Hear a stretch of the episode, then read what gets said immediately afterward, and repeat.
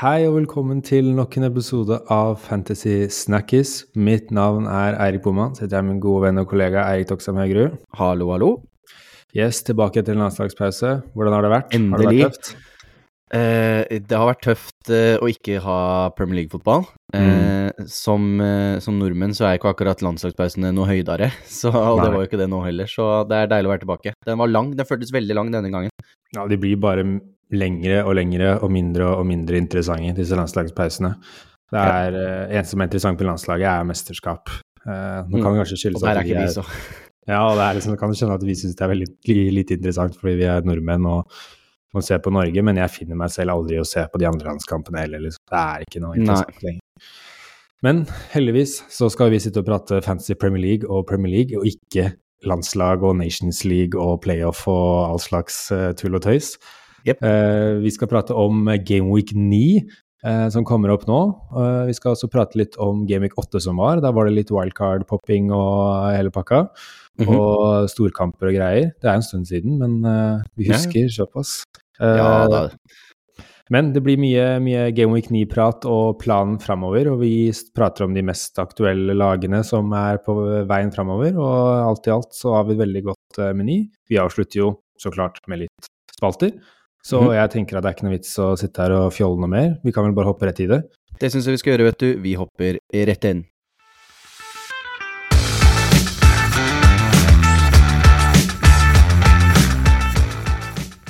Ok, Doxheim, du brukte jo ditt eh, wildcard forrige runde. Hvordan gikk mm -hmm. den runden? Eh, det gikk egentlig ganske greit. Eh, ganske, ganske fornøyd med wildcardet. Som sagt, jeg nevnte jo i en tidligere episode at eh, jeg følte bare at Rett og slett at det var litt dårlig hva skal jeg si, vibe i laget. Jeg likte ikke Det var ikke sånn at så mange spillerne var så dårlige, men det var liksom bare Det føltes ut som det var altfor mye kaos og sånn. Jeg trengte bare en liten reset og få, få satt opp noe nytt, og det gjorde jeg òg. Litt drastiske endringer i laget. Jeg kan jo gå kjapt gjennom eh, Jeg gikk for en Turner Areola-keeperduo, som vi snakker mye om.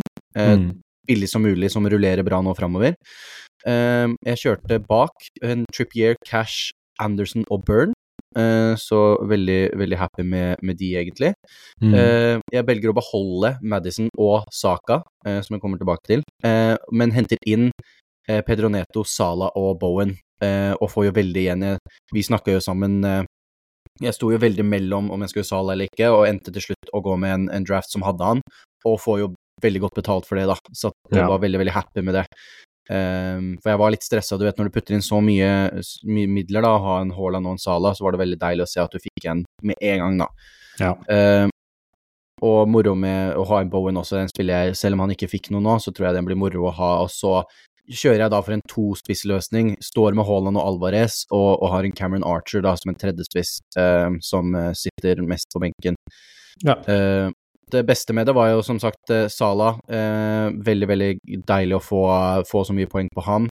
Det var også veldig deilig fordi jeg calla jeg, Når jeg spilte Turner og, og Anderson samtidig, så, så spilte jeg de to fordi jeg tenkte at den kampen der lukter litt 0-0 av. Og så ble det 0-0 òg, og fikk clean på begge to. Det var ganske deilig, bare sånn for selvtilliten, liksom. Ja, det var, uh, var amulering inni den uh, Men jeg husker ikke hvilket lag det var. Det var eh, Det husker jeg ikke, faktisk. Nei, men deilig på den. Trippier kommer med, de, Newcastle slipper inn, men jeg spilte jo Bowen og, og Trippier samtidig, Uh, og der fikk jeg jo Trippier assisten som jeg håpa på, ikke Bowen målet, eh, men veldig bra der. Madison, som jeg velger å stå med istedenfor sånn, får en assist, sånn blanker, så traff på den også, det var veldig deilig. Eh, Neto kommer med assist, eh, får eh, fem poeng på han. Og så var det deilig, altså for fantasy-messig så var det ikke så deilig, jeg sto jo med Alvarez og cappa Haaland, men reverse psychology cap der, som Ja, ja. Arsenal vinner kampen, veldig deilig. Jeg gjorde motsatt sist uh, i fjor, og da tapte Arsenal, så det var moro å få den. Um, og så er det jo da, jeg starter jo med Saka, velger å stå med han. Han blir jo nå da endelig hvilt, som fra et Arsenal-perspektiv, veldig bra. Den gutten trengte hvile. Men det var litt irriterende at når jeg først valgte å stå med, da, fordi det virka som om han bare skulle spille alt, så fikk han hvile. Mm. Eh, men han har jo ikke vært med England nå, så håper at han, han kommer tilbake. Så ender på 55 poeng, stor grønn pil. Jeg går opp ca. 700 000 plasser og er nå rett under 1,3 millioner rank, da. Så trengte virkelig den. Fått akkurat den boosten jeg håpa wildcardet skulle gi, da. Ja, det er deilig å Starte wildcardet sånn, med en ja. pil. Man tenker jo alltid at wildcardet, så for de som også har brukt wildcardet sitt nå, at hvis man fikk en drittrunde, så er jo egentlig wildcardet egentlig et lang, langtidsperspektiv. da. Man skal jo ikke få, Det er ikke som et free der det er sånn jeg skal ha avkastning neste runde. Mm. Um, så det er ikke vits å få et panikk hvis wildcardet ikke tok helt av. Men uh, jeg brukte, brukte, ikke wildcard uh, selv. Jeg tenkte mm. jeg skulle droppe det, uh, for jeg drev og miksa Jeg sa jo på denne episoden at jeg hadde lyst til å bruke wildcard i Game Week 10. Jeg så det som en større uh, oppsving, da. Og prøve å overleve disse to rundene uten wildcard. Og så, når jeg lagde wildcard av, så var det liksom ikke så mye endringer jeg gjorde. Så jeg var sånn Er det virkelig verdt uh, å bruke wildcard for fire bytter? Mm. og så skjønte jeg at hvis jeg skulle bruke wildcard, så kom jeg til å gå uten Sala Uh, og det ville jeg ikke akkurat nå, uh, så da ble det litt sånn Ok, jeg tror jeg bare bruker bytter, og så bytta jeg jo først ut Essay for Neto, for Essay var skada. Uh, eh, og så var det spørsmålet om jeg skulle ta en minus fire, fordi jeg hadde lyst til å få inn Bowen eller Trippier, da. Men så skjønte jeg at det ble vanskeligere å få en Trippier nå, så da ble det Bowen og ut for Saka. Fordi mm. jeg tenkte også det at det er, det er vanskelig med den Saka-skaden, men så tenkte jeg litt logisk på at hvis han går av med muskelskade på tirsdag, så kommer han aldri i verden til å spille fotballkamp på søndag. Det er nesten humanly impossible. Uh, så da tenkte jeg at uh, jeg tar en gamble på den, og så tar jeg minus fire for å få inn Bowen, og så bruker jeg da denne runden, og så kommer jeg nok til å selge Walker og får, får inn Trippier. Mm. Uh, og det gikk veldig bra, det. Fikk 58 poeng og opp på 700 000 overall. Det er jo litt fordi jeg beholder eh, Sala og Pickford, som får til sammen 24 poeng. Ja, det, den, det, måtte jo komme den Pickford-clinchen. Ja, Akkurat nå også ni poeng òg! Ni poeng òg, ja, det kom. Eh, det var veldig deilig å, å, beholde Pickford og få med seg den nipoengeren. Og sammen med den Sala, det var deilig. Han hadde jo eh, ti minutter der han var god mot Brighton. Resten av kampen så var han ganske usynlig. Mm. Um, ja, så det var veldig, veldig, greit å få med seg den. Og så hadde jeg jo mye egg i City-leiren. Jeg satsa jo litt på den City-seieren, da. Uh, med Haaland, Cap og Alvarez og Walker. Og så så det lenge ut som jeg skulle få med en clean sheet på Walker. Men så skårer Arsenal på slutten, så røyk den clean sheeten, som var litt, uh, var litt ergerlig for Fantasy. Og at Haaland var helt usynlig i den kampen, var jo også ja. litt kjedelig for, uh, for Fantasy. Men Sånn kan det gå i de kampene, men eh, det ble likevel en bra runde og veldig fornøyd med at jeg fikk en såpass grønn pil med tanke på at mange brukte wildcard, og det er deilig å sitte fortsatt hjemme med sitt wildcard. Um, så vi, vi, tar den. Er det første gangen du er under en million i år? Uh, det kan godt hende. Det, mm. Hvis ikke det var Game Week 1. Uh, det er jeg ikke, ikke, helt sikker på. Det, det er i hvert fall uansett deilig å komme under den. Det er liksom den ene barrieren man skal under, da. Ja. Ja, det er første gang jeg er under, uh, under 1 million i den mm. uh, Nei, faktisk. Uh, Game Week 1 så var jeg 284 000. Ja, ok. Så etter Game Week 1 da, så er det greit å komme seg under 1 million. Og da mm. ser vi framover. Ja. Og tenker vi skal gå litt inn i hoveddelen. Passer det fint? Mm. Det skal vi se, så jeg sjekker klokka her. Det passer akkurat det, så da hopper vi rett inn.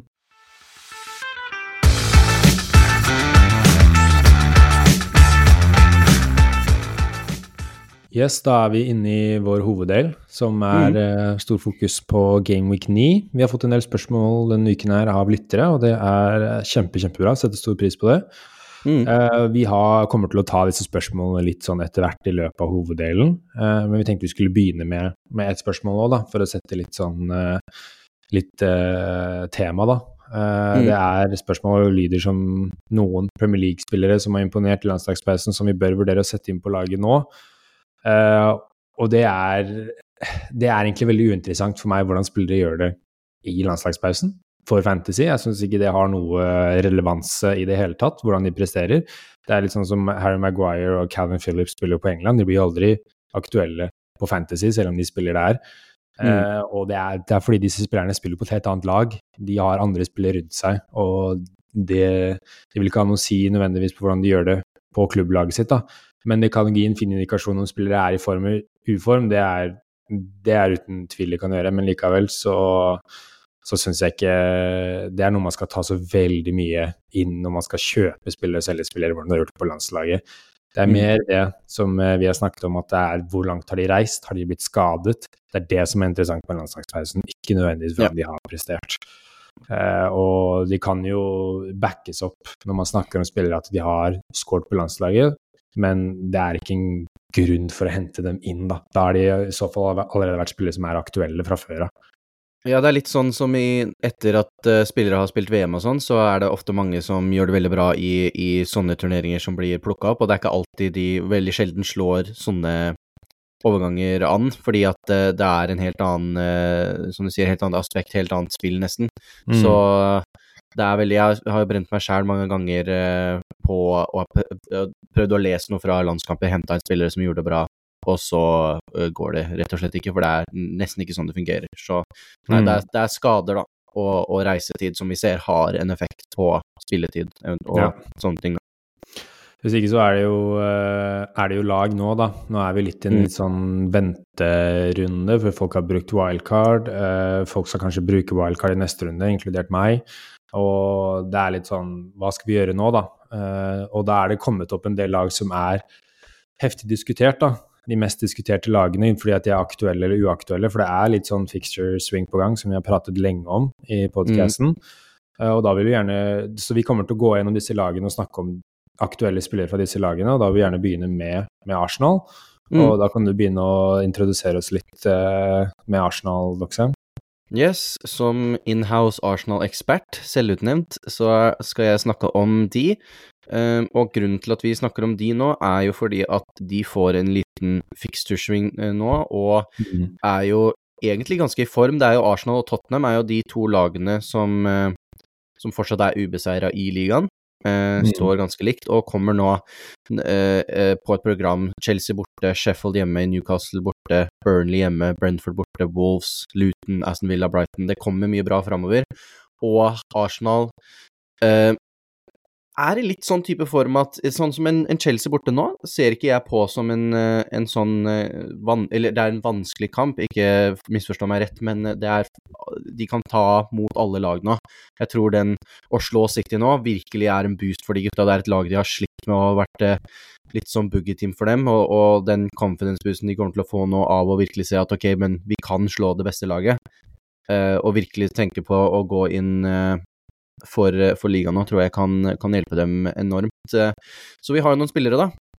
Starter egentlig bare bakerst og jobber oss fremover. Eh, mm. Og da har jeg tatt en liten titt på godeste David Raja. Han koster bare 4,8, eid av 3,6 um, Han er kanskje litt sånn i det keepersjiktet vi snakker om nå, hvor 4,0 og 4,2 er liksom standarden, så er kanskje 4,8 litt det dyreste laget. Uh, men jeg tror faktisk han kan være en liten joker uh, framover. Arsenal har nå en veldig solid eh, backrekke med White, Saliba, Gabriel og Zinchenko, når alle de er friske.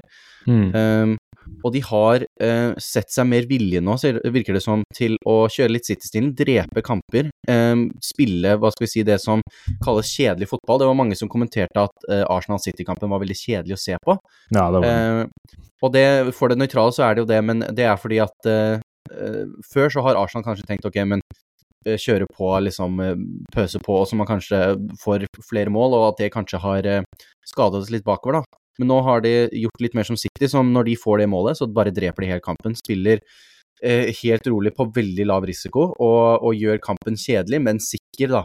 Så jeg tror det kan være mer clean sheet å komme eh, fra Arsenal denne sesongen enn tidligere. De har jo vært kjent for et lag som kanskje ikke holder så mye clean sheet. Det tror jeg kan endre seg nå, da.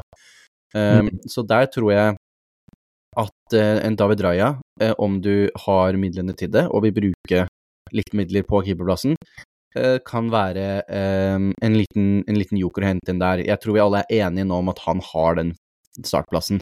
Ja, det virker, det virker veldig, veldig sånn at den plassen er hans.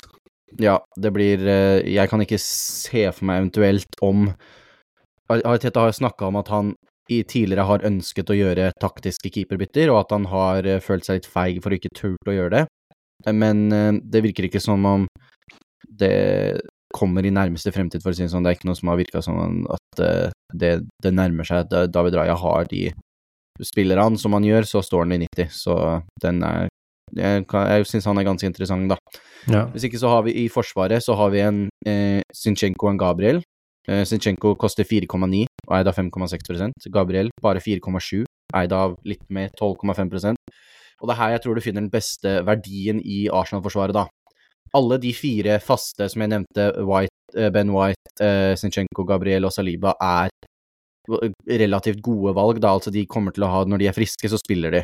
Mm. Uh, så sånn sett så er uh, alle greie valg, men Ben White koster 5,6 og Saliba koster 5,2, og jeg tror ikke at de er noe mer målfarlige enn Zinchenko og Gabriel, nærmere tvert imot. Zinchenko er nok den mest offensive av de. Det lukter liksom ikke så mye målpoeng egentlig fra det Arsenal-forsvaret. Som det har vært eh, det er, det er, eh, Hvis du handler inn der, så er det, det er clean sheets du, du, håper på. For det er ikke mm. sånn som Det er ikke backer som bombarderer langs og pumper inn innlegg. Det er ikke Nei. stoppere som er Du kan jo si at Saliba og Gabriel har mål i seg, men det er ikke stoppere som har skåret tre mål og mer i løpet av en sesong. Og det er, det er stopper, ikke sant. Du forventer jo ikke å få mål assist av stopperne uansett. Så, men det er, så du, du, du, går inn for clean sheets hvis du skal ha disse, disse Arsenal-forsvarerne. Og det er nettopp derfor jeg tenker at hvorfor skal du da betale 5,6 eller 5,2 når du kan betale 4,9 eller 4,7 mm. uh, for samme minuttene. Uh, så derfor ville jeg anbefalt Zinchenko og Gabriel der. Der skal det sies nå at Zinchenko er jo litt mer risk med tanke på at han er mye mer skadeplaga enn de andre der, så han er det ikke Altså, han spiller når han er frisk, men hvor ofte er han frisk? Det er det spørsmålet der, da.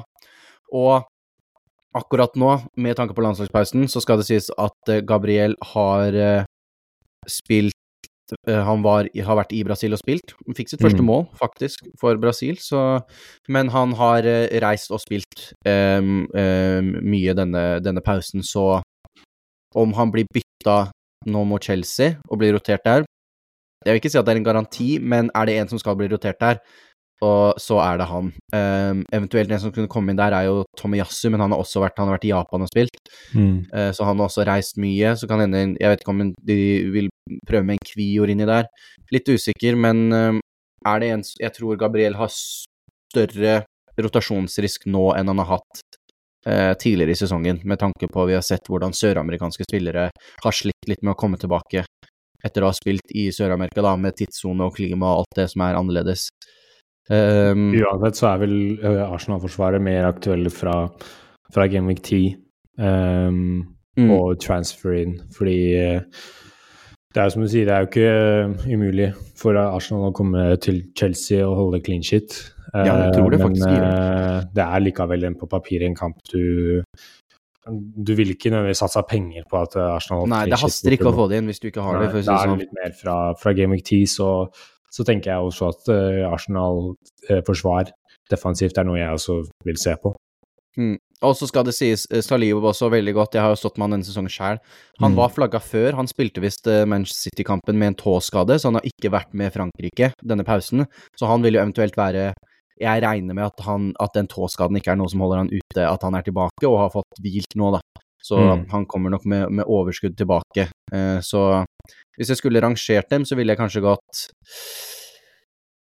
Gabriel, eh, Zinchenko, Saliba, White i den rekkefølgen. Ja. Og så kan du bytte kanskje på Saliba og Zinchenko. Eh, mm. Det er ganske jevnt, egentlig. Men som sagt, eh, haster ikke over for nå. Men eh, når, når, etter eh, den Chelsea-kampen, så i, fra Game 10, så kan det være mye Jeg tror det kan være mye mer poeng å hente i Arsenal-forsvaret i år enn tidligere.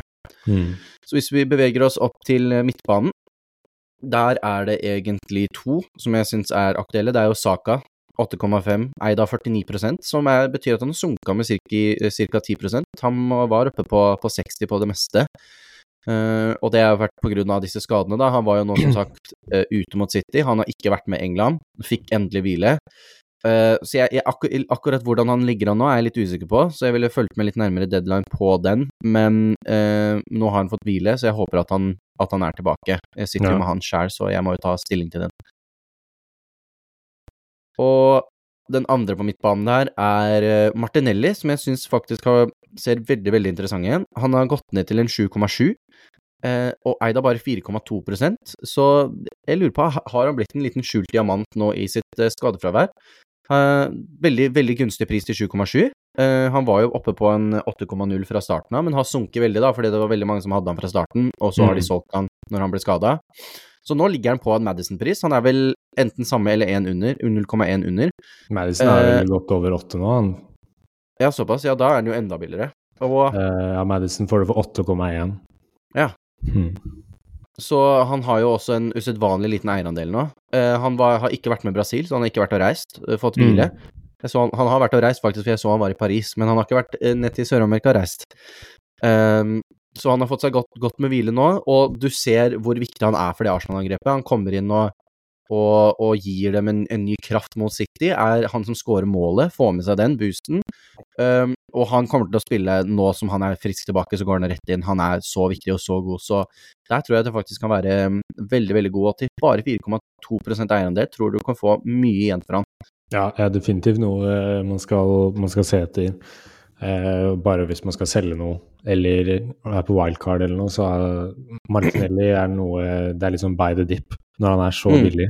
Og vi vet Han tror jeg kommer til å skyte rett opp i været igjen. Jeg er litt usikker på om jeg kan få han inn i eget lag, for det er liksom Gidder jeg ta han ut for en Madison? Da har jeg ikke noe Tottenham, som jeg også vil ha, for de har jo veldig bra program nå også. Mm. Men uh, absolutt en, en, spiller som jeg, som jeg skulle hatt uh, tror, Ja, som sagt, jeg tror han kommer til å skyte rett opp i været. Ja. Og ellers så er det ikke så mye annet jeg ville anbefalt fra Arsenal. Det er jo en Gabriel Jesus, men der føler jeg at uh, med tanke på hvor mange du skal ha, ok, du sitter kanskje med en, en Saka, uh, vil du kanskje ha en Martinelli? Du, du skal, jeg syns ikke du bør triple på Arsenal, så jeg Nei. tror Gabriel Jesus Han er verdt å nevne, men ikke en jeg egentlig ville, ville, anbefalt. Han er også litt skadeplaga, og han, det er ikke så mye mål i han. Han gjør veldig mye bra, men han er ikke så veldig sånn målpoengsfarlig, da, egentlig, Nei. nå i det siste. Så verdt å nevne. fortsetter å falle i pris. Uh, mm. Også det er uh, jeg vet ikke, Det er litt fristende når man ser den prisen hans til Gabrielisus, men likevel, det er som du sier, det er uh, Det vil komme kamper der han skårer og får målpoeng, det er jo ikke noen tvil om, men om man skal sitte og gidde å tviholde på han eller kjøpe han inn nå, det, da vil jeg heller se han litt an. Og... Ja, det er liksom han eller en, en Ollie Watkins, da. Og så mm. si du har allerede en, en, en Saka, uh, så er det liksom Skal du gå to Arsenal, eller vil du spille litt ut? Så ja. nei, jeg tror det er midtbanen det er mest å hente på midtbane-fantasy, da. Det er mest å hente hos Arsenal. Ja, uten tvil. Og der, eh, ja, jeg syns Martinelli er veldig, veldig interessant. Og vi vet jo hva Saka kan gjøre. Uh, men det er en litt tricky situasjon det med Saka-skaden til helga. Vi vet jo at Ariteta kommer ikke til å si et pip i morgen om den skaden. Nei. Så det er, eh, det er, en litt sånn gamble nå til helga igjen. Men jeg tror ikke jeg ville, ville solgt han nå, fordi det som sier, han har fått hvile. Uh, det er nok hvile, det vet vi jo ikke ennå, men uh, det er ikke noe vits å selge, selge Saka. Akkurat nå. Den, den, den, tror jeg man kan bare holde seg på. Mm. Uh, hvis ikke så er det et annet uh, attraktivt lag. Uh, nå er jo Liverpool, vi har snakket om Liverpool, men først og fremst så kan vi jo si at de har jo Everton hjemme nå, Nottingham Forest hjemme, Luton borte, Brentford hjemme. Og så er det en City borte, Fulham hjemme, Sheffield United borte og Palace borte de åtte neste. Så det er et veldig veldig nice kampprogram for Liverpool. Og det mest aktuelle fra det laget er og forblir Mohammed Salah. Og da fikk vi bl.a. et spørsmål om eh, Mohammed Salah versus droppe Son og Madison og sette inn en billig midtbane. Eh, og du var jo på den der uh, debatten med Salah og, og Haaland, f.eks., og mm -hmm. du har vel Trippier også. Yeah. Eh, så du, du, valgte jo å droppe Son på grunn av, eh, for å beholde Salah. Hva var litt tankegangen mm. bak det? Nei, altså, det var ikke noe jeg egentlig ville, men det var rett og slett bare, hva skal vi si, økonomisk. Det, tallene måtte gå opp, og da måtte noen ryke, og da eh, For å spre litt uh, midler på forskjellige lag også, så, så, måtte det bli sånn at uh, hvis jeg skulle ha Sala, så måtte sånn ryke. Uh, og, og, da endte jeg rett og slett med at enten hvis jeg hadde sånn, så ble det sånn og Madison, og da ble det to Tottenham, mm. og ikke noe Liverpool. Eller så kunne jeg ha Madison og Salah å ha en i hver, da. Så det var rett og slett uh, det, det det, endte på, å, å, ha investert i flere av lagene som, har, som hadde gode programmer framover. Ja, det er uh, Jeg tenker det går fint å, å beholde Madison med Salah, Haaland, Trippier, Bowen og Watkins. Det klarer man å få til. Uh, men da er det som sier, det blir billig. Det blir liksom en Neto inn der, en Cole Palmer, et eller annet sånt på midtbanen ved siden av resten av de midtbanespillerne. men jeg, jeg, skjønner jo godt at Liverpool Nei, at eh, folk vil droppe Sala uh, for, for, å ha um, flere dyre spillere, men uansett om du har Sala eller ikke, han kommer til å fortsette å produsere målpoeng uansett. Det er sånn uansett, så du veit at han kommer til, å, kommer til, å, prestere målpoeng. Så på dette tidspunktet så syns jeg det er mer en preferanse, eh, for å være ærlig mm. om du vil, vil beholde han. Rett og slett om du syns det er tøffere å beholde han uh, og se at han ikke presterer, eller om du syns det er tøffere å ikke ha han og se at han presterer. Hva syns du ja. er verst, egentlig? Uh, tenker jeg er, er, greia. Og så er det to gunstige kamper nå med, med Everton og, og, Nottingham Forest hjemme, også til den Luton bortekampen. Det er jo tre kamper man vil ha Sala. Han er jo den spilleren på Liverpool med høyest tak. Uh, så jeg har uh, Jeg vil anbefale å beholde Sala istedenfor å ha Son og Madison. Du så jo nå at Tottenham og sånn spesielt sliter mot lag, lag som legger seg dypt. Eh, mm. Sånn som mot Sheffield United og Luton nå, da er han ikke like giftig. Når de spiller mot Burnley, som er et lag som spiller fotball, ikke sant? spiller fotball, så får de mye rom å bolte seg på. Sammen med Liverpool også. Det er lag som prøver seg, så det er litt mer sånn omvendt psykologi med sånn. da. Når de spiller mot lag som spiller og er offensive, så bør man kanskje ha på sånn. Når de spiller mot disse lagene som er antalt enklere, men legger seg mer defensivt, så er det kanskje litt uh, å holde seg unna han. Mens mm. Madison er jo litt sånn, han vil jo holde på å produsere og styre det spillet uansett, men sånn er han. Han scorer, og det er det han gjør egentlig mest for det laget. Ja, sånn trenger eh, Du ser han trenger bakrom å løpe på. Mm. Utenom hvis man ikke har penger til Sala, da. Eh, om man ikke vil ha Sala, så føler man da er det naturlig å gå ned til Luis Diaz. Eh, han, eh, han har riktignok nå spilt kamp for Colombia natt til onsdag, spilt hele kampen, og Liverpool har jo blitt gitt eh, tidlig kamp lørdag igjen. Eh, det er jo det laget siden Klopp har tatt opp som har fått mest tidligkamper eh, mm. etter landslagspause. Jeg tror de har fått tolv, og neste laget var Tottenham med seks. Eh, så det er ganske dramatisk. De fikk jo den nå neste landslagspause, så skal de spille tidlig mot City også. Eh, så det er, jo, det er jo tungt. Og da tyder det jo på at Diaz fort blir hvilt i den kampen. da. Eh, nå som Yota er tilbake fra suspensjon også, så kan det fort hende at Diaz får, en, får bare en halvtime mot Everton. Men det er mm. fortsatt en halvtime han kan prestere, da. Men jeg tenker jo fort på de neste åtte kampene, så vil jo Diaz produsere mye målpoeng sammen med Salah. Og selv om han ikke får med seg den, eh, så mye av den Everton-kampen, så, så, kommer han fortsatt til å, til å, få med seg mye poeng framover. Og jeg tenker han er veldig naturlig istedenfor uh, istedenfor eh, Salah, hvis man ikke har lyst til å ha, ha Salah, da. Mm. Uh, jeg tenker jo det er litt sånn enten så bør du ha Diaz eller Sala i de neste kampene. En av de bør du ha. Du må i hvert fall ha noe Liverpool i det programmet de går inn i, og de er jo et veldig bra lag nå. Ja. Eh, Framme så er det jo så klart Darwin Nunes. Han har vi snakket mye om. Han er jo eh, er, veldig aktuell. Han produserer målpoeng for Liverpool når han spiller. Gjorde det nå sist. Kunne få to asses i den kampen, men eh, Sjoboslaj ble jo felt når han skulle skyte, så da ble det straffe istedenfor. Eh, og han skåret jo og assisterte for Uruguay mot Brasil nå natt til onsdag. Eh, og det er litt samme med Diaz. Spiller han til helga? Mm, det får vi mhm. vente og se. Det er jo Sala, Diaz, Darwin og Yota, så er Gakpo fortsatt litt sånn småskada, så du vet ikke hva som skjer der, som er de framme. Så det er sånn tre stykker skal jo spille, hvem det blir. Det blir i hvert fall Sala og Diota, tror jeg. Spørsmålet er hvem om det blir Diaz eller Darwin eller Gakpo som tar den siste plassen. Mm. Det blir spennende å se, men ja, vi veit jo taket, og vi har snakket mye om Darwin. Og jeg syns Darwin er veldig, veldig aktuell hvis du ikke har Sala heller. At det er sånn, jeg har ikke Sala, da kan jeg gå Darwin framme, og du ikke vil ha Watkins, da kan du gå Darwin framme. Mm. Uh, han, uh, han, har gjort det utrolig bra denne sesongen her og kommer til å fortsette å produsere masse målpoeng på de åtte neste kampene, det er jeg ganske sikker på, selv om han mister 90 minutter nå mot Everton. Ja. Det er jo veldig kjedelig å, å, se en lagoppstilling og se at spilleren din ikke starter. Du, du, velger jo Det er jo liksom, liksom pri én når du velger en spiller på fancy at spilleren, starter den spilleren her, ja, da kan jeg ha den på laget. Produserer han målpoeng, da kan jeg i hvert fall ha den på laget. Eh, og da er det litt kjedelig å bare se at de kan kanskje produsere målpoeng på en halvtime, men eh, du vil jo helst se at de starter. Bakover så har det kommet en skade. Eh, Robertsen har jo blitt skadet. Og det tyder på at han er ute i De sier jo at han er ute i ti uker, så det er jo ut, ja. ut 2023. Eh, det er jo veldig, veldig dårlige nyheter for Liverpool. Eh, og da er det jo en Semikas til 4,4 som har kommet inn der. Har du tenkt litt mm. på Semikas? Er det noen som er aktuelle for ditt lag?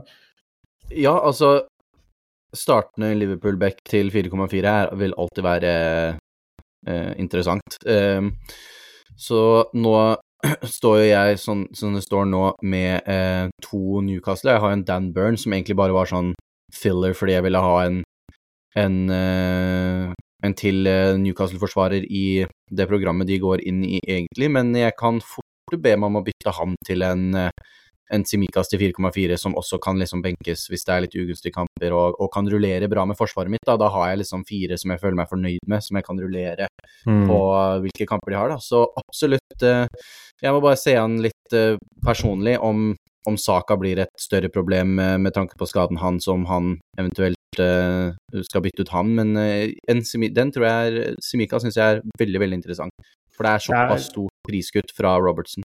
Ja, det er jo Han fikk jo ny kontrakt nylig, men jeg syns han har spilt dårlig når han har spilt denne sesongen. her. De kan få minuttene han har fått, Europaligaen og, og cupen.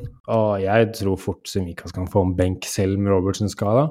Fordi mm. den måten de spiller nå, så blir jo Trent dyttet opp på midtbanen, og da blir plutselig Semika stående der som en slags tredje midtstopper. Og det, det er, ikke han Han er, har vært ganske dårlig som det, rett og slett. Da kan det hende at de bruker Kansa eller Gomez eh, istedenfor eh, Semikas, men jeg tror jo Det er jo en grunn for at han har fått en kontrakt, en ny kontrakt hos mm. Liverpool. De vil nok bruke han i kamper, men det er fortsatt litt sånn Jeg ville holdt meg litt unna foreløpig for å se om han får disse kampene, da, om han spiller bra mot Everton ja. nå, og eventuelt mot Nottingham Forest, så man kan se at ok, han er han spiller, han spiller bra, da kan jeg få det på, men utenom det så tror jeg ville, jeg ville sett han litt an.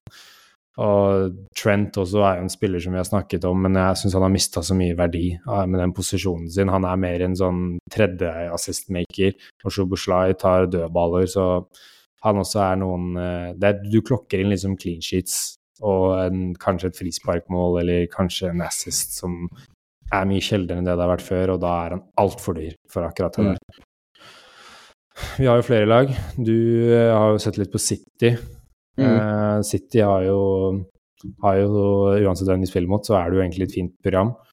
Og jeg syns jo også City har blitt interessant igjen pga. de Nå får de Stones og Rodry tilbake etter uh, noen, uh, noen, tøffe kamper nå som har vært litt ekle for dem. Og jeg har jo tapt to, to, kamper på rad for første gang på veldig lenge. Tre kamper hvis du teller cupen også. Ja, um, så, men nå tror jeg de litt, kan få litt piffen igjen med Rodry og Stones. Mm. Uh, hvem har du sett på som er, som er de mest aktuelle fra, fra, City? Nei, altså, det var uh, Satt og gjorde researchen, så er det litt sånn rart, for det her uh, det, Jeg tror aldri det har vært så få interessante spillere på, på City fantasy-messig. Det kommer jo av at de har mye rotasjon og har vært ganske mm. denne sesongen. Eh, også, som du sier, med, med, City så er det alltid bra, greit program, men det er ganske tøft det de går inn i nå. Så, ja, det, er det. Så det er spennende å se. Men jeg er jo helt enig om at jeg tror mange har fått litt sånn kanskje litt vridd, vridd tenkning på de nå. De tapte jo alle de tre kampene Rodry var utesuspendert. Men mm. nå kommer han tilbake, og da veit vi, og med John Stones tilbake også, så kommer de til å gå opp mange, mange hakk. Det er jeg sikker på. Så i Forsvaret så syns jeg egentlig det er bare Kyle Walker som er eh, interessant. Koster 5,3, eid av 16,3% og han er egentlig mest aktuell fordi at han er den som er den mest sikre der. Uh, mye rotasjon på, på, resten av spillerne, spesielt nå som Champions League er i gang og cuper er i gang.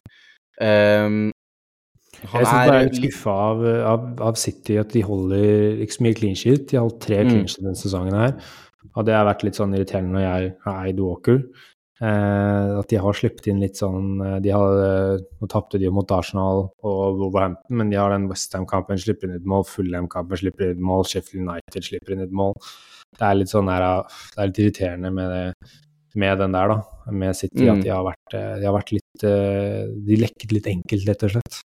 Og det er det jeg er enig i. Jeg skulle si at jeg ville egentlig ikke anbefalt Kyle Walkerson, og, og jeg føler ikke han er noen man trenger. Sitt bak mm. egentlig i år, eh, kan man holde seg unna. Men hvis man skal ha noen, så er det Kyle Walker som er mest sikra minutter, så det er det safeste valget på, på den måten. Vi vet hvor mye Pep uh, verdsetter uh, Kyle Walker. Men mm. jeg tror ikke at City bak er noen nødvendighet nå, uh, egentlig.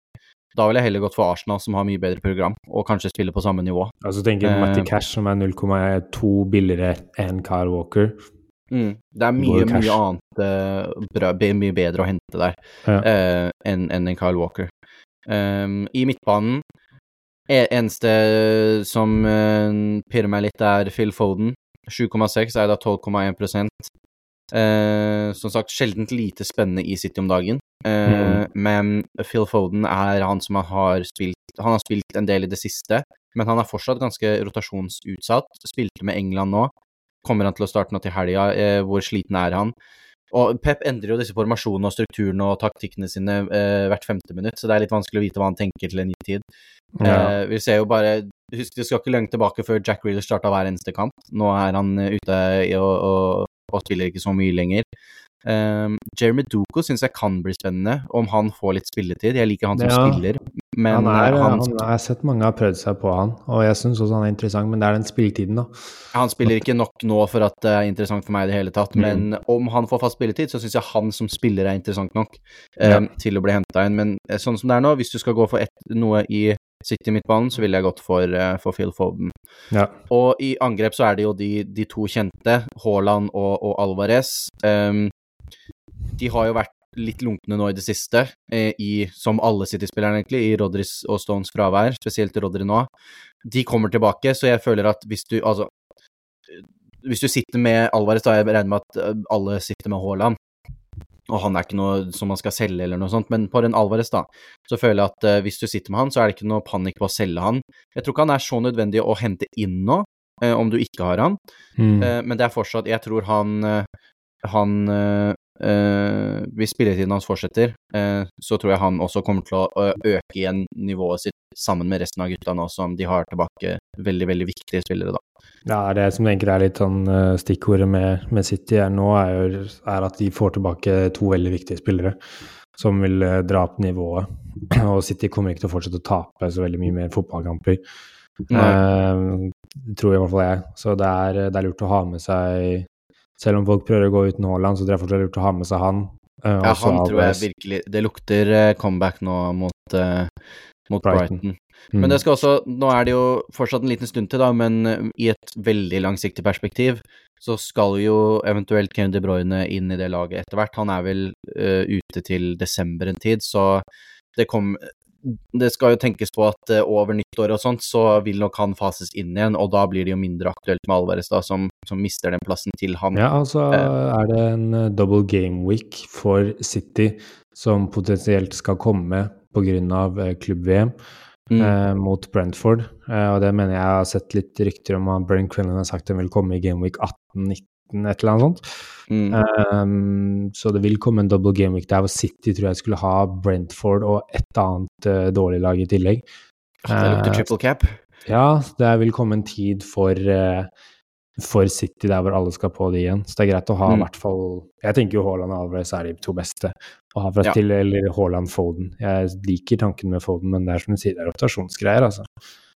Da er det mye Ja, det er jo, Foden er jo veldig Det er, det ikke noe tvil om at Foden er en veldig god fotballspiller. Det er jo bare om mm. Det hjelper ikke det hvis han ikke spiller. Og det er det som er eh, det vanskelige med City, da, som det har vært nå disse sesongene. Eh, som gjør det litt moro, for da er det ikke i hvert fall sånn det er jo, De siste årene har vært helt klart det beste laget, så da hadde jo alle tripla opp med City om de hadde hatt en fast elve, liksom. Ja, da er det bedre å se til, eh, se til andre lag som har uh, midtbanespillere i det prissjiktet. Og da er det bl.a. Mm. Westham som, uh, som har Bowen, uh, som er 7,3. Og vi fikk jo et spørsmål om tanker om å ha Diaz og Bowen i laget. Og mm. da tenker jeg jeg har bare positive tanker om det. Hvorfor ikke? Det er ikke noe grunn til å ikke ha begge to. Uh, Westham har jo Aston Villa borte en høy linje fra Aston Villa. Mye rom å bolte seg for uh, Boden i den kampen. Mm -hmm. Everton hjemme, Brentford borte, Forest hjemme, Burnley borte, Palace hjemme i de seks neste. Det er fine kamper for Westham. Og Bowen har jo seks målpoeng på åtte kamper denne sesongen her, og virkelig funnet tilbake til den formen han hadde for to sesonger siden. Og det var et grunnen for at jeg kjøpte han inn for en minus fire, var på grunn av det var bare så fristende å ha med han i dette kamprammet som kom nå. Og jeg, jeg har veldig troa på Bowen og Bowen og Westham eh, framover. Eh, og så er det den der uh, forsvarsgreia der, for der har du en Areola, og så har du en Kofal som faktisk har fire assist på rad nå. Uh, Kofal. Det er litt utrolig, altså. Det var uh, en forsvarsspiller i Westham som bare bøtter inn assist. Gått veldig under uh, radaren, men jeg nevnte jo han forrige episode på eventuelt wildcard. Koster 4,5 og bare han 2% eierandel. og clean sheets vil jo komme for, for Westham.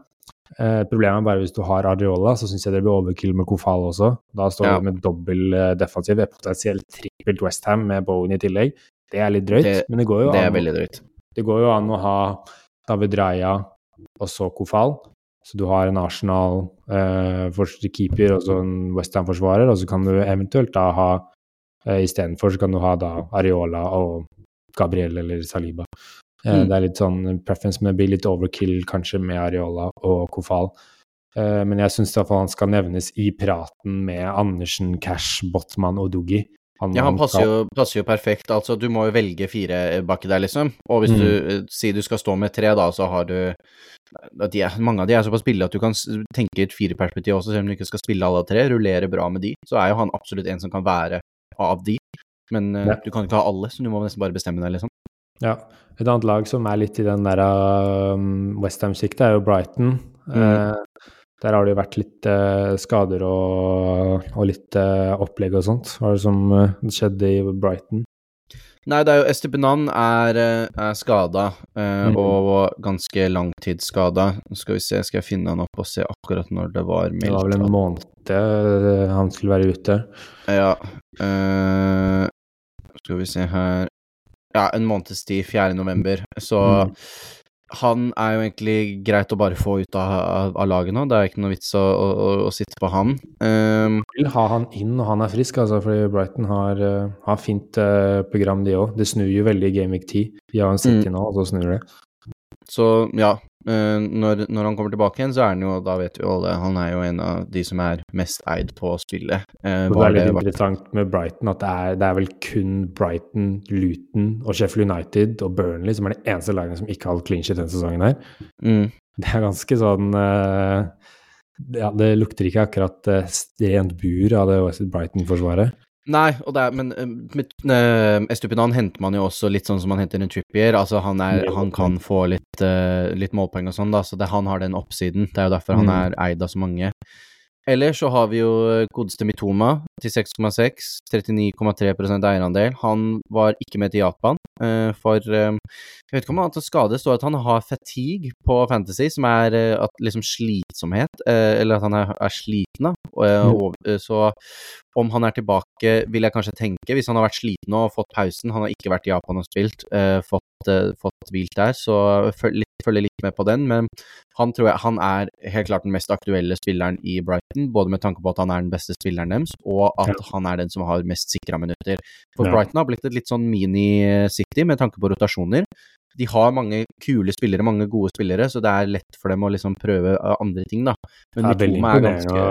å se hvordan de roterer uke inn og mm. uke ut, og så likevel så spiller de så bra. Plutselig kom han der 18-åringen inn mot Liverpool og bare bossa midtbanen.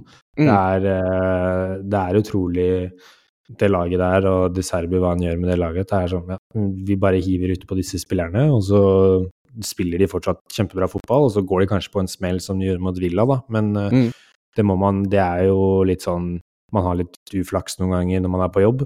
Man, skal, man, må knuse litt egg hvis man skal lage omelett. Eh, ja. og jeg, som eh, fotballentusiast så er det jo veldig imponerende og kult å se Brighton, men det gjør jo mange spillere mindre aktuelle i Fantasy, da, fordi at mm. uh, rotasjonene er såpass ekle.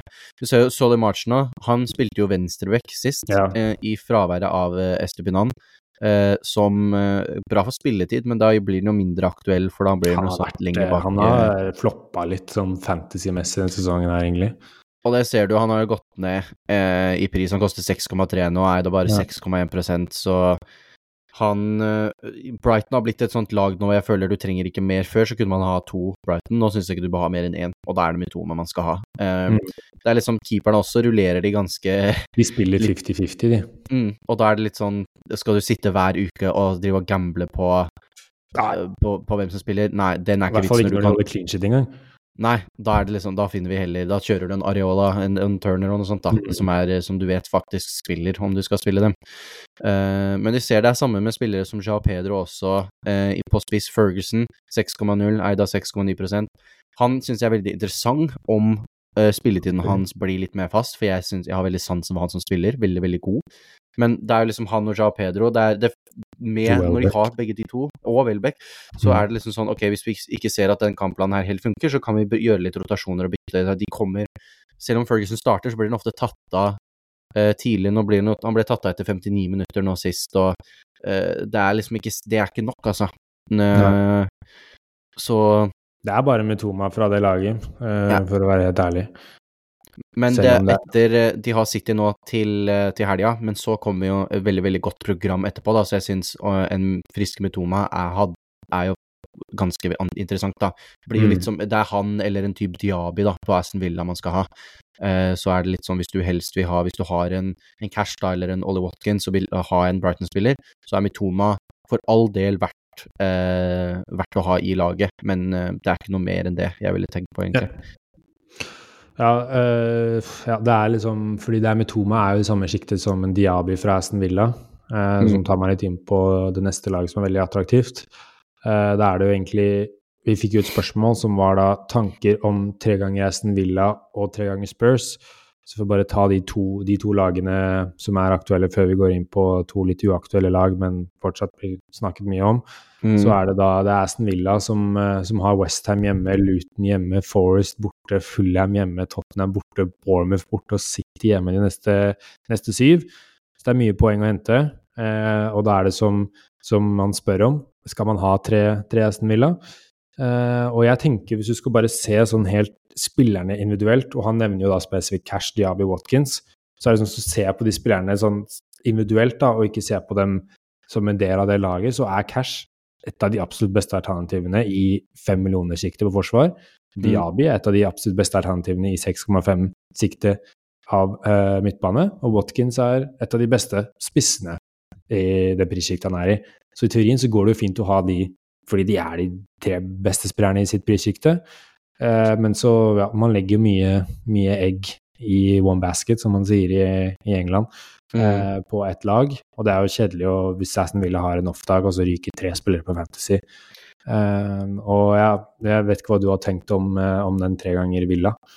Nei, jeg er egentlig imot tre ganger noe som helst. I hvert fall én ting er hvis du kjører tre ganger eh, Arsenal, tre ganger City, absolutt Eh, topplagene, liksom. Mm. For det, det, handler om stabilitet. Problemet hvis du investerer tre spillere på sjiktet under, da, si Brighton, Aston Villa-type, liksom, så eh, plutselig så går de på en null Så taper de mot Luton. De, det er ikke mm. garantert det er liksom, De kan gå på sånne smeller, og da er, det, da er du veldig avhengig. Borte nå sist. Mm, da er du Altså, det er veldig greit å ha, for de har noen spillere som du kan få, men å, investere tre spillere på et sånne lag er veldig, veldig risky, for da er du veldig avhengig av at de holder seg stabile, og det kommer de ikke til å gjøre. Mm. Uh, og samme går med Tottenham. Altså, jeg ville ikke ha hatt tre fra noen som helst uh, lag, for det er for mye Med så mange kule spillere det er nå i Fantasy, så syns jeg det blir dumt å sette alt på ett lag, og så håpe på de, når du heller kan spre det litt ut. Uh, så jeg ville ikke ha hatt tre Villa-spillere og ikke tre Tottenham-spillere, og ikke tre av noen.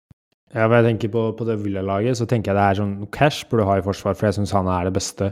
Mm. Etter min mening syns jeg han er det beste i det prissjiktet, for han spiller ute ut av posisjon og kan få med seg clean shit og ja, mye mer framover. Jeg har veldig tro på, på, cash. Da tror jeg man skal rett og slett velge mellom Diaby og Watkins. Ja. Og akkurat nå sitter jeg med Watkins istedenfor Diaby, men hvis jeg, som jeg skal bruke wildcard neste runde, så tror jeg jeg heller vil ha Diaby enn Watkins. Det er min preferanse akkurat nå. Uh, for jeg siden de to spiller basically spiss begge to, og ingen av de tar straffer. Mm. Diaby eh, er midtbane, har mer eh, poeng å hente da, og billigere enn Watkins. Så jeg, jeg vil heller hatt Cash og Diaby enn Cash og Watkins, eller alle tre, da. Er, eh, da kan man heller ha Darwin eller Solanke uh, som spiss istedenfor uh, Watkins, tenker jeg.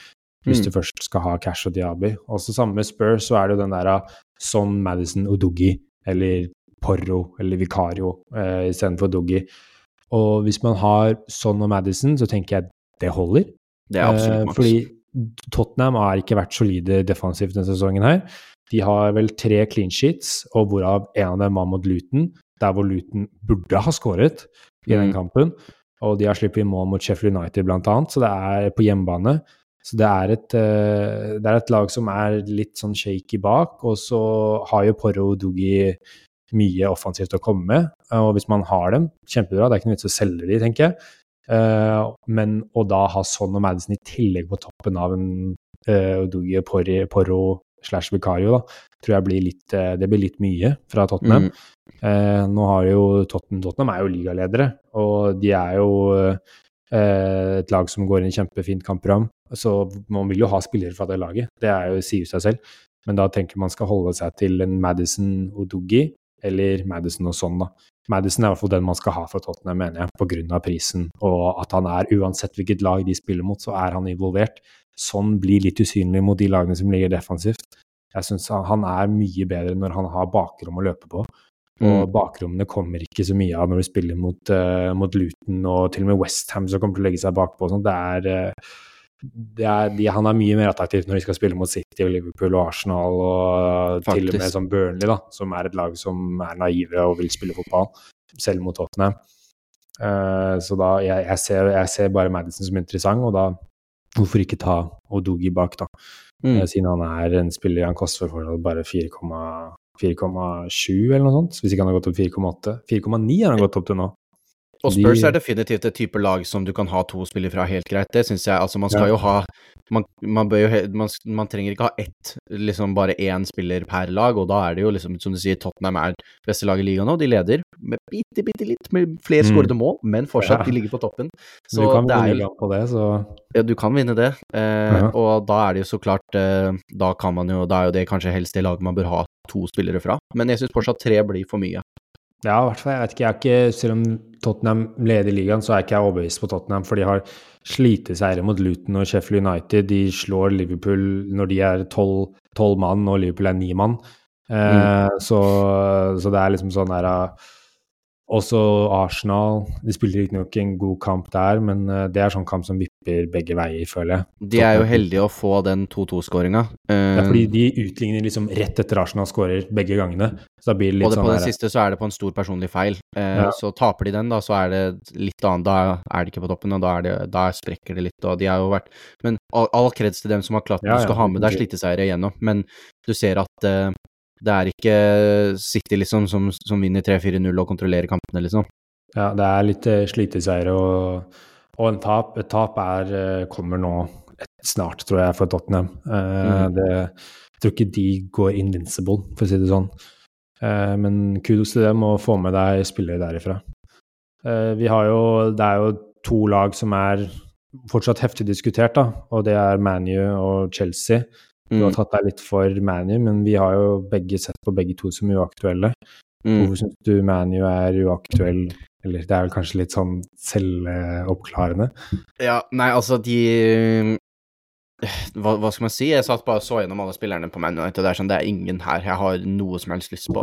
Eneste som jeg kunne slå et bitte lite slag for, et sånt halv, halvsving av et slag, mm er eh, Rasmus Høylund bare fordi at han er ny, han er frisk, han er ung, og han, jeg syns han ser spennende ut. Men jeg vil ikke, jeg vil ikke gått nærme det ManU-laget nå, fordi det er uh, pur råttent rett inn. Og ja, de får med seg De må ha McTominay som kommer inn og får to mål på tre minutter, liksom, som gjør at de slår mot Brentford. Og ja, da blir det en seier, men jeg syns ikke de, de, de, spiller noe bra. Det ser tråkete ut, det ser kjedelig ut, og det ser ikke ut som Det, noe, det ser ikke ut som noen gutter som liksom går ut og liksom nyter hverdagen sin nå, og, lik, og, liker å spille fotball i det laget. Så der skal jeg se virkelig endringer før jeg vurderer å, å hente noe inn der. Og jeg vet at det er, det er mange som, som, fortsatt sitter med en, en Bruno og en Rashford, da, som har liksom sittet og håpa. Eh, jeg så det var eh, rundt 17 og, og 20% eierandel på de to, da. Eh, mange av de er nok døde lag, skal sies også, men fortsatt, eh, jeg tror det er bare å, å, å, bli kvitt det. Få De spillerne koster ganske mye penger, bruk de midlene noen andre steder. Bruno, ja, så kan du få kan Bruno gå ned til Martinelli, liksom, og så Det er litt stahet, føler jeg, eh, som jeg snakket om, hvis du fortsatt har Bruno og Rashford. Mm. Er, du er litt sta og sitter og sitter og håper, og vi har alle gjort, gjort denne feilen, og den, kan, den vil jo komme en utløsning at some point. Uh, ja, det hadde ikke sjokka meg Si du selger uh, Bruno nå, og så oi, så fikk han et mål uh, nå neste kamp, men jeg tror fortsatt jeg må se ordentlig endring i, i det ManU-laget før jeg ønsker å investere meg. For det, vi snakker om å investere i, i formspillere og sånn, og, og, og, der føler jeg bare at det er Der skyter det deg selv litt i ræva hvis du går inn og investerer i det laget nå. Ja, jeg er helt enig.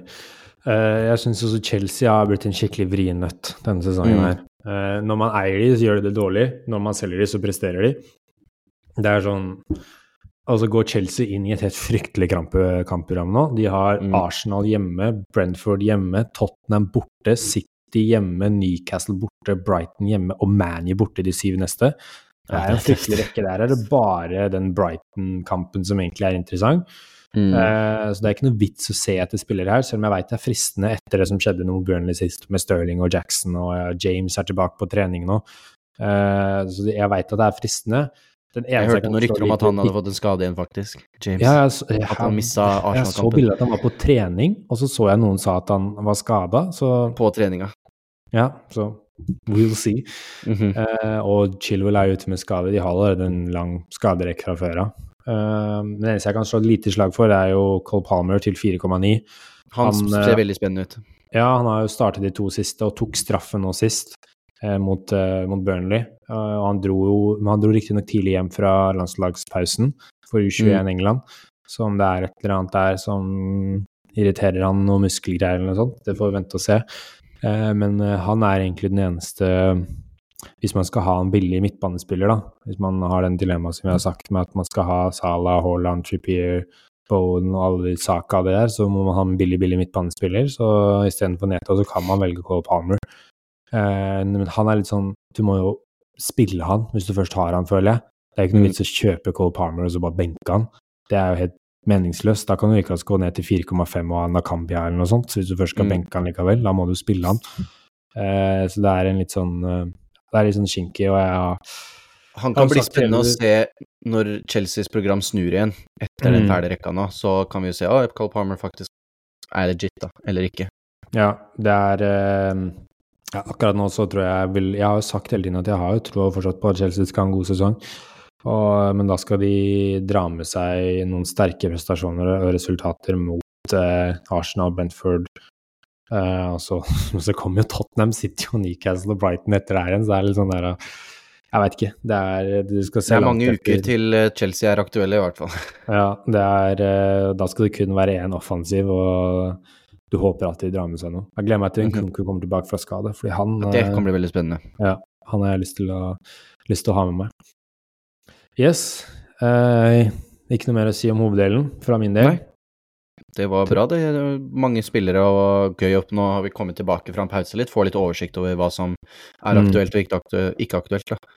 Ja, det er jo Man må jo skaffe seg et lite, lite helhetlig bilde og se mm. hva som skjer faktisk framover. For man mister jo litt sånn Man er litt ute av, eh, av the loop når man tar en landslagspause, så det er greit å komme litt inn i det og se hvor man skal se etter, og hva man ikke skal se etter. Mm. Mm. Hvis ikke, jo, jeg skulle faktisk nevne én ting til. Det var, eh, for Vi fikk ett spørsmål til, og det var om disse skadefraværene som har skjedd i landslagspausen.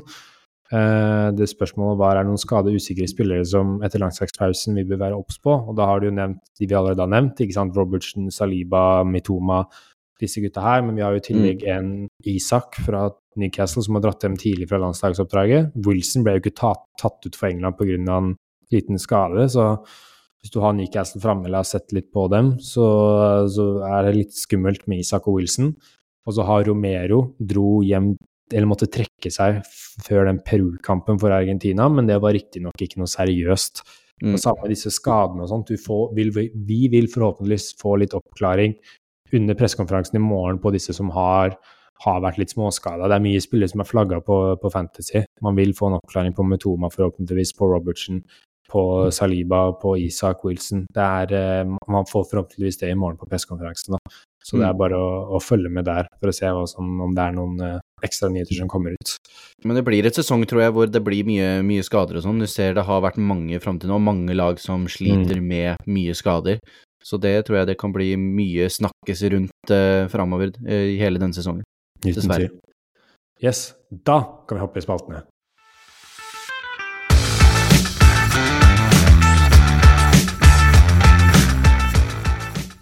Og da hopper vi inn i vår faste siste del av podkasten, nemlig spaltene våre. Og da starter vi som vanlig med Captain my captain, så da lurer jeg på, Boman, hvem er det du har tenkt å ta kapteinstundet på til den kommende runden?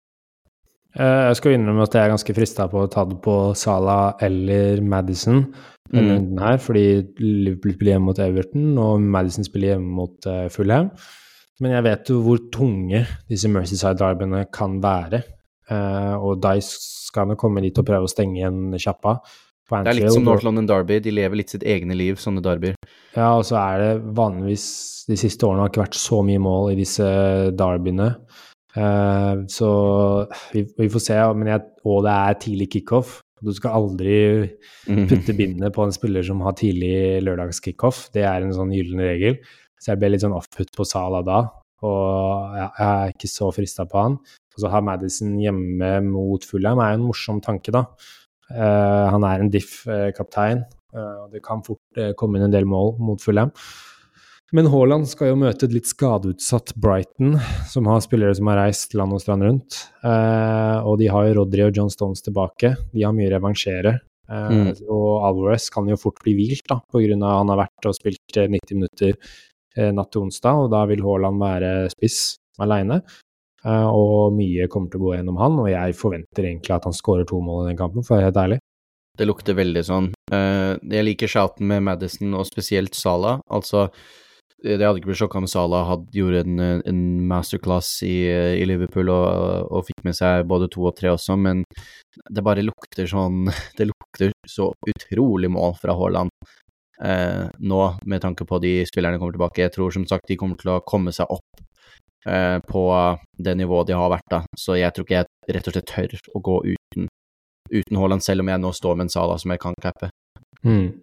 Ja, jeg ser det. Det er, eh, det er Haaland som er the captain.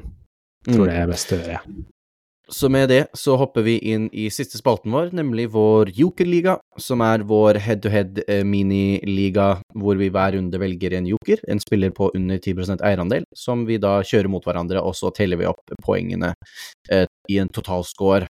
Eh, så sist runde så calla jo jeg at eh, det, det, måtte jo komme et mål for Bournemouth mot Everton, for de holder ikke clean shit. Da holdt jo han Pickford så klart clean shiten. Så det ble po nei, ett poeng på min Solanke der. Og du fikk jo med deg en assist for din eh, Pedro Neto, så mm. gratulerer mm. med den. Det tar deg opp totalt på 26 poeng, og jeg på 23 poeng. Så veldig jevnt. Vi bytter litt sånn hver runde hvem som leder, egentlig. Ja, det gjør det. Så spennende. Så det betyr jo at jeg velger først eh, denne runden. Og faktisk litt vanskelig å velge, velge eh, joker denne runden, men da tenkte jeg ok, men da må vi ta og prøve på noe kult, bare. Og da kom jeg over eh, en Brentford-spiller. De har en ganske god kamp, eh, kamp denne runden. De spiller mot Burnley som jeg tror kan passe veldig bra for dem. Et, et, lag som vil spille høyt, men som kanskje ikke har fått det helt til, mot et uh, Brentford som kan uh, sope opp litt bak oss og spille på kontringene. Og da uh, så jeg godeste Mathias Jensen. Han har fått tre returns på de siste kampene. To mål og én assist. så i mens det, siden det var så vanskelig å velge, så tenkte jeg ja, men hvorfor ikke prøve på han da? Eh, og kjøre eh, Mathias Jensen. Han koster 5,5 og eide bare 2,6 eh, Så satser på Jeg tror det blir Bournemouth-seier der, og at eh, Mathias Jensen kan få med seg noe. Det er uh, artig valg. Mm. Det, ja, det, kan bli spennende, det. Det var derfor jeg sa at jeg veld, hadde vært veldig overraska hvis du var innpå han uh, jokeren mm. jeg hadde valgt uh, denne runden.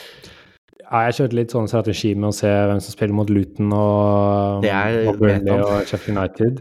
Men uh, det var uh, De som spiller mot de lagene, er jo Brentford spiller mot Burnley, og Nottingham Forest spiller mot Luton, og så uh, Manny spiller mot Sheffield United. Og så har jeg valgt så mye midtbanespillere, så jeg hadde egentlig lyst til å velge en forsvarer eller spiss.